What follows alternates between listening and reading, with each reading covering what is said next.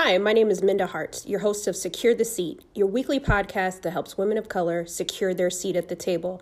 And it's not about getting your seat and blocking other women.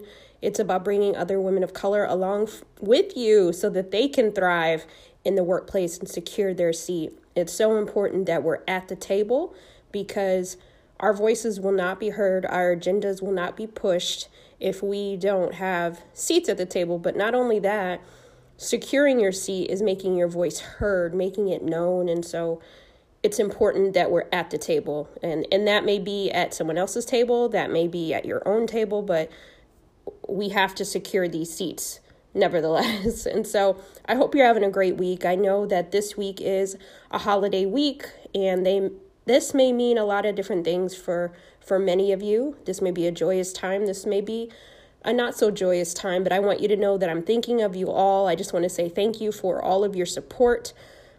If you're thinking about any Black Friday deals, this is a really great time to buy the memo, the book, the memo, What Women of Color Need to Know to Secure a Seat at the Table. Think about someone in your life that could use this book because many of us are going through it and even just need the the support that um, we're not alone. And so, if you think of anyone that could use this book for the holidays, this is really good. Or if you have not bought that book yet, go for it. I also have an audio book, so if you prefer to listen to your books that way, I did record my own audio book, so you can check that out. And if you're not tired of my voice, then you really will enjoy it. Uh, I hope you are enjoying the last two episodes about cryptocurrency and blockchain because it's so important that we just understand how these things work, right? You may or may not decide to open up a uh, a Coinbase account. You may or may not decide to get some Bitcoin or learn more about blockchain and how that may affect your industry in the future. But at least you'll be aware of it. At least you'll have an understanding of how it goes down. And so when people are talking about it, you have a you can add to the conversation. We're also going to have some additional financial episodes just about our regular cash, money, and stocks. And then also, we're going to get into some AI, uh, artificial intelligence, because going into this next decade, we're going to need to be equipped with everything in our toolkits for success. We can't just pretend that some of these things are not happening, that these trends are not moving forward, and we want to be part of them. We want to be leading them. Uh, these statistics say that women of color will be like 60% of the workforce by 2030. But when you think about it, what roles will we have? Okay, they're not saying that we're going to be leading the workforce in terms of management and leadership roles. They're saying we're going to be the majority. So, what are those roles we're going to have? And so, it's going to require us today to make sure that we have the right tools, to make sure that we have the seats when the next industrial revolution takes place. So, um, I just want to say how grateful I am for you um, because so much has happened in this year. I've had some wins, I've had some losses, uh, but I'm just thankful.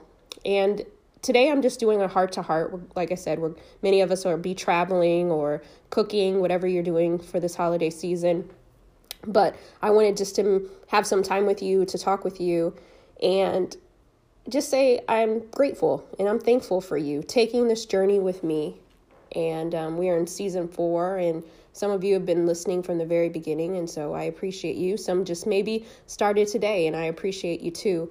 And today I just want to talk to you about you may have seen online this hashtag 10 year challenge. And if you're not on social media, people are talking about, you know, they're showing pictures from 2009 of themselves to present day and kind of that 10 year differential and um, many of us may look the same many may look different. Uh, maybe you had some wins maybe you had some losses and so people are really beating themselves up in in a way and what i want to challenge you and i know it's very hard to do is that we don't beat ourselves up with the days we have left in this year.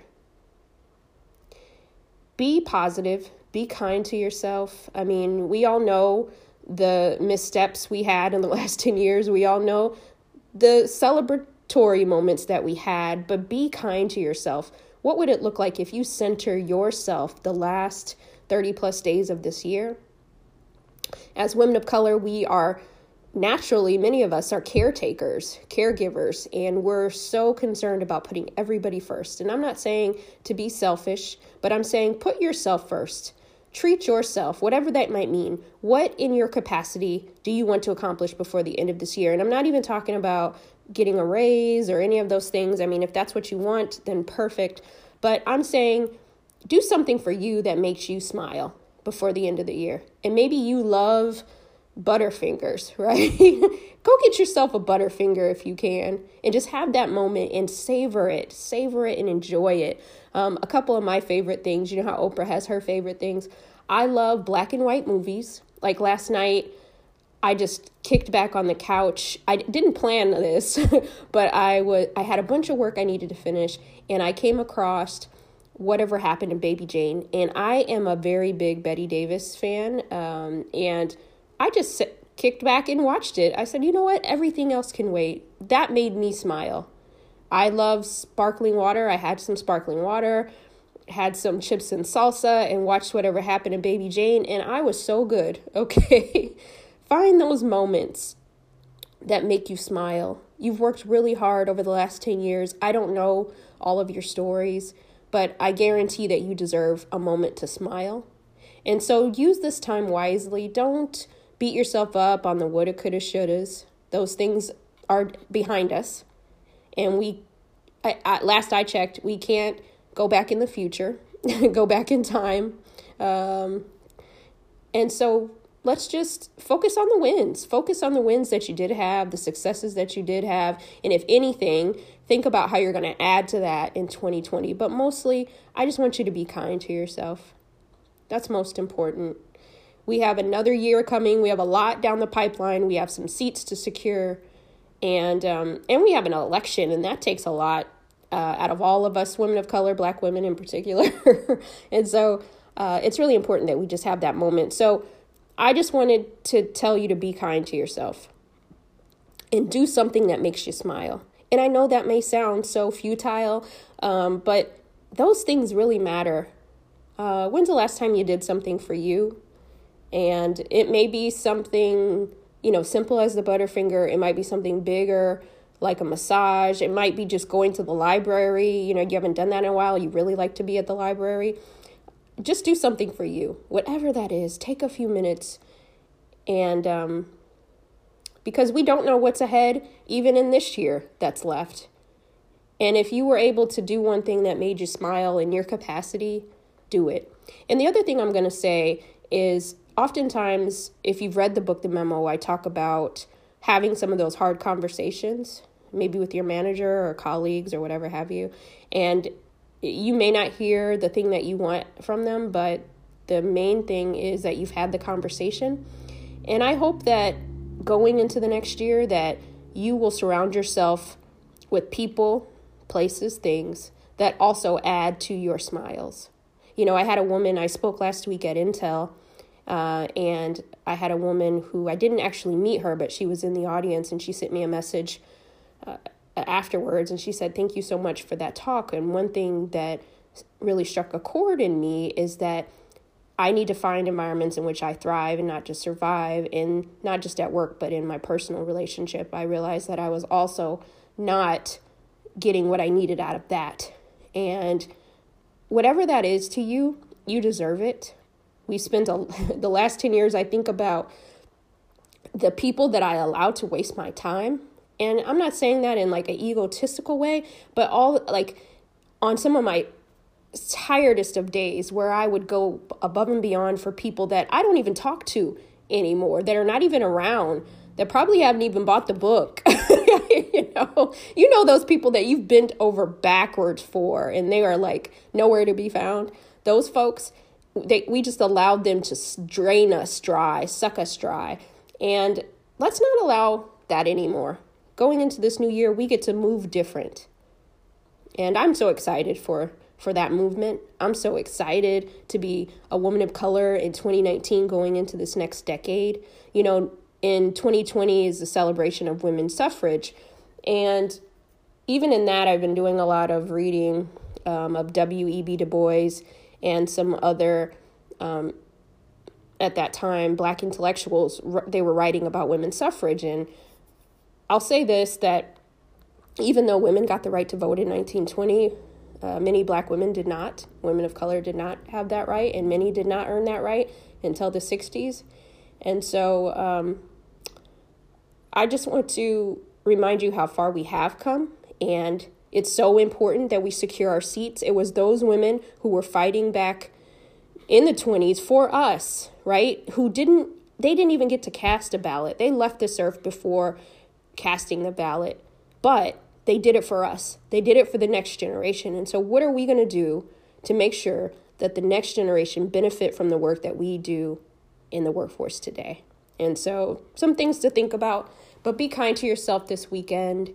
Um, and, you know, find me on the internet. I'm most active on Twitter at Minda Harts. But also, if you go to mindaharts.com and sign up for the book club, uh, you'll also be aware of upcoming public uh, events that I'm hosting or that I'm part of. I'm going to be in Boston in December uh, for a couple of events. So sign up there, find me. And what else? Oh, I created a LinkedIn group too so that you can connect with each other because, you know, I, it's all fine and dandy if you want to hear me and some of the guests, but I also want you to engage with each other because building your squad is important. And somebody in the squad or somebody listening uh, may be in an industry that you're interested in getting into. And so I want you all to connect as well because it's all about helping each other secure our seat at the table. And um, yeah, and if you haven't left a review for the podcast, go where you like to leave your reviews. I appreciate those, I read those. And if you haven't left a review for the memo, the book, please do that on Amazon or Goodreads. And oh, you know I'm a lover of grits and rap lyrics. and I had to throw you back with something. I don't know that I've actually used her as a as a rap lyric, but um, I was thinking about the song "Let Me Blow Your Mind" by Eve. Do you all? I don't know my my '90s 2000 folks that are listening. Uh, you definitely remember Eve, and if you're uh, um, younger than us, Google her because um, she was such a, a great lyricist. And she has this line in that song, and it says, um, Easy come, easy go, Evie, gon' be lasting. Jealousy, let it go. Results could be tragic. I'll read it one more time. Easy come, easy go, EVE, gon' be lasting. Jealousy, let it go. Results could be tragic. And the reason why I like that is because I'm just thinking about the last 10, 10 years, right? And people have come, people have go, but I'm still I'm still moving forward. I hope you're still moving forward. And if people are jealous or anytime that I've been jealous, we have to let it go because those results could be tragic right? Like it's not even we can't even hold on to that. Like Teyana Taylor, she has a song called "A Rose in Harlem," and she said, um, "If it ain't about blessings, I can't even address it." Like let's just leave all that negative crap behind and let's be kind, right? Let's be kind to ourselves. And so uh, that's my lyric this week. Check that song out. Actually, it's a really fun video if you get a chance to YouTube it because it's it has Gwen Stefani in it too. It's a really fun video. And oh, I miss watching videos. What a time to be alive, as they say. Back then, you used to watch videos like 106 & Park, um, TRL, all those shows. And then lastly, the show is called Secure the Seat. And securing the seat to me right now is what it really has always been and it's to make the generation or make the workforce better for the next generation. There's so many people that came before us that we don't even know their names. Like they're not in the history books. We can't google them but we know they worked their butts off for us. And so it's up to us to do the same for the next generation. But again i'll be back next wednesday with a really fun episode with uh, my special guest deborah owens. She's going to be talking about finances um, our personal finances, uh, the ones that um, may not have Bitcoin in them, but from our day to days, day to day jobs and outside ventures. So, really excited about that episode. So, I'll see you soon, right? Um, and keep securing your seat. Talk to you soon.